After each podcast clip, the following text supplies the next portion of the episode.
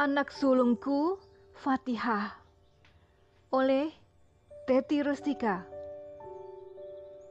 Ibu, kenapa berkurban harus pakai sapi dan domba?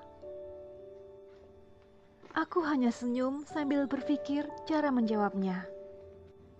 Dia bertanya lagi dengan pertanyaan yang sama. Spontan, ayahnya yang menjawab dengan candaan. Karena di Indonesia tidak ada unta.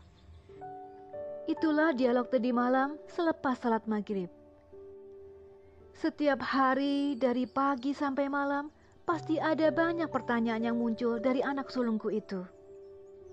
Karena itu, ibunya harus pintar agar bisa menjawab dan harus bersabar agar menjawab dengan ikhlas, bukan dengan kesal, apalagi sampai marah. Memangnya ada seorang ibu yang rela memarahi anaknya hanya karena anaknya banyak bertanya? Pasti ada.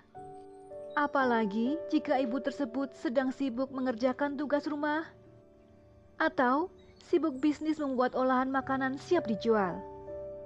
Karena sang ibu tidak mau diganggu, maka ibu tersebut berani membentak anak agar pekerjaan selesai. Alhamdulillah, dari kecil Fatihah selalu ceria, suka bernyanyi dan anteng walau bermain sendiri. Bahkan ia suka berimajinasi. Tiap selesai menonton film anak, pasti dialognya ditirukan lengkap. Misalnya, film Nusarara dan Omar Hana. Setiap episode, ia hafal dialognya. Bahkan, mencari peralatan sendiri supaya persis sama seperti di filmnya. Contohnya, episode Nusarara yang naik kendaraan sepeda kemudian terjatuh karena tidak membaca doa dulu. Fatihah pasti sibuk mengambil helm, sepeda, sarung tangan, tas, dan bonekanya. Kemampuan dalam hal ini saya manfaatkan untuk menghafal juz 30. Alhamdulillah, ia cepat hafal. Metodenya bebas. Sambil memasak, menyuapi, memakaikan baju, menyetrika, dan lain-lain. Saya selalu melafalkan per ayat secara berulang-ulang, padahal Fatihah sedang bermain sambil berlari-lari.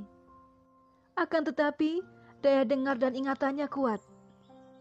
Sebelum tidur, mulailah saya mencoba tes ayat yang tadi pagi saya baca berulang-ulang sampai sore.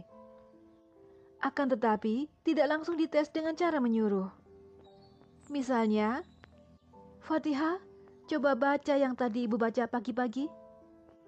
Kadang dia tidak menjawab, tetapi saya langsung memakai perantara, misalnya boneka.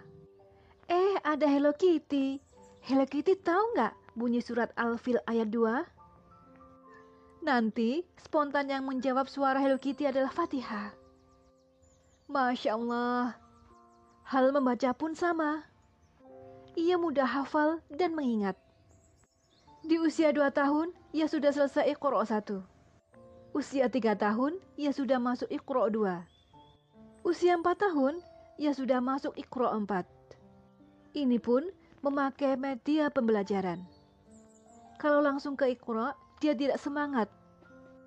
Iqra-nya saya fotokopi, kemudian ditempel di gambar benda-benda di sekeliling. Apakah itu gambar hewan, tanaman, atau planet luar angkasa?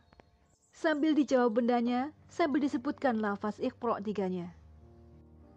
Alhamdulillah, walaupun pernah saya tinggal untuk bekerja di usia dua bulan sampai tiga tahun, tetapi tidak pernah manja apalagi cengeng.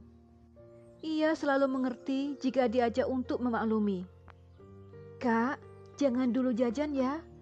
Uangnya belum cukup, ayah belum gajian. Jawabannya langsung, oke. Okay. Saat ingin membeli mainan di jalan ketika bepergian, tetapi tidak dibelikan dengan diberi pengertian, Fatihah selalu menjawab, Baik ibu, kakak akan bersabar dan mau hemat.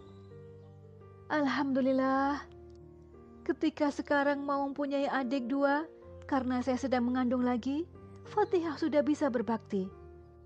Kalau makan, mandi, dan pakai baju selalu ia lakukan sendiri. Bahkan, ia sudah bisa menyapu lantai bekas makan sendiri jika nasi berjatuhan. Barakallah anak sulung ibu. Semoga Allah senantiasa menjagamu, menjadikanmu pribadi yang memiliki adab dan ilmu, menjadi generasi umat yang akan menjaga kemuliaan Islam, istiqamah dalam beramal saleh. Terima kasih ya Allah atas nikmat dan karunia yang besar yang telah Engkau berikan kepada kami.